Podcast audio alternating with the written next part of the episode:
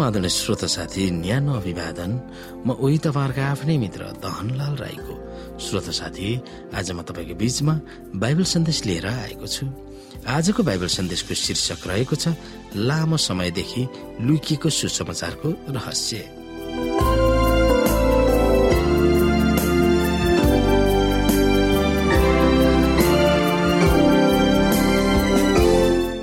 श्रोता साथी पावलले के रहस्य सुम्बिएको छ?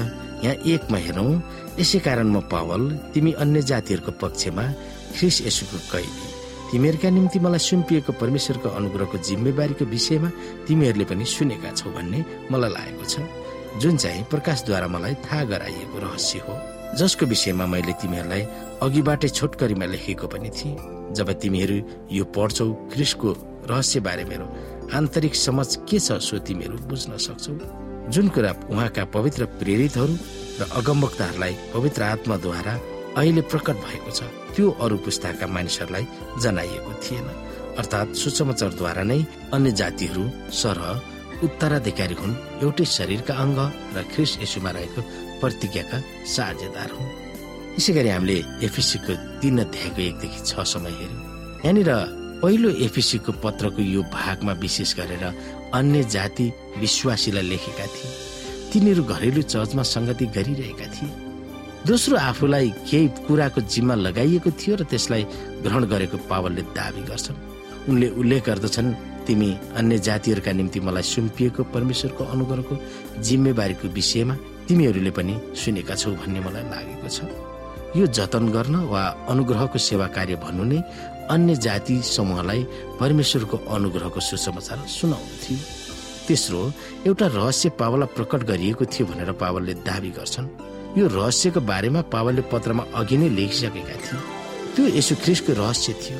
सुसमाचारको आविष्कार आफू भएको अरूहरूको अनुमान नगरोस् भन्ने पावलले चाहेका थिए। तर त्यो रहस्यको घोषणा गर्न परमेश्वरले नै उनलाई सुम्पिनु भएको थियो भनेर उनले दावी गर्दछन्। सुसमाचारको आविष्कार आफू भएको अरूहरूले अनुमान नगरोस् भन्ने पावरले चाहेका थिए तर त्यो रहस्यको घोषणा गर्न परमेश्वरले नै उनलाई सुम्पनु भएको थियो भनेर उनले दावी गर्छन्। चौथो यो रहस्य आफूलाई मात्र प्रकट गरिएको थिएन भनेर पावलले स्वीकार्दछन्। उनले लेख्दछन् जुन कुरा उहाँका पवित्र प्रेरितहरू र अगमवक्ताहरूलाई पवित्र आत्माद्वारा अहिले प्रकट भएको छ त्यो अरू पुस्ताका मानिसहरूलाई जनाइएको थिएन। यहाँ अगमवक्ताहरू भन्दा घरेलु चर्चका भेलाहरूमा भविष्यवाणी बोल्ने वरदान पाएका इसाईहरूलाई सम्बोधन गरेको हुन्छ। पुरानो करारका अगमवक्ताहरूलाई होइन। एक फेरा लुकिएको वा लुकाइएको रहस्य अब सबैको निम्ति खुल्ला गरिएको रहस्य भएको थियो। अन्तमा आएर उनले घोषणा गर्दछन् अर्थात् सुसमाचारद्वारा नै अन्य जातिहरू सरह उत्तराधिकारीहरू हुन् एउटै शरीरका अङ्गहरू र ख्रिस यसुमा रहेको प्रतिज्ञाका साझेदारहरू हुन् भनेर भन्दछन्। पावलले सुसमाचार प्रति आफ्नो अथाह म प्रकट गर्दछन्। दुवै यहुदी र अयहुदी मिलेर चर्चमा एकसाथ परमेश्वरको आराधना गरेर सुसमाचारको मर्म प्रकट गर्दा पावल अत्यन्तै मर्माहत भएको थियो। ती दुई समूहहरू परमेश्वरको नयाँ समुदाय खडा गर्न निर्माण सामग्री हुन पुगेका थिए। यो मानवताको नयाँ चित्रण थियो। त्यो चित्रण चर्चले देखाएको छ। तिनीहरूले एक आपसको वैमान्यता हटाएर अब तिनीहरू सुसमाचारको प्रतिज्ञा अनुसार सह उत्तराधिकारीहरू एउटै शरीरका अङ्गहरू हुन् र ख्रिस यसुमा रहेको प्रतिज्ञाका साझेदार भएका छन्। अन्तिम श्रोता सुसमाचारको प्रतिरोधमा तपाईँसँग अरूहरूप्रति के पूर्वाग्रह छ?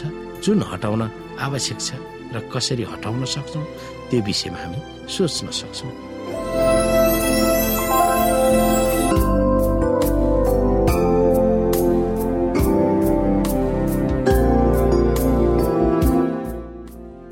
साथी आजको लागि बाइबल सन्देश यति नै।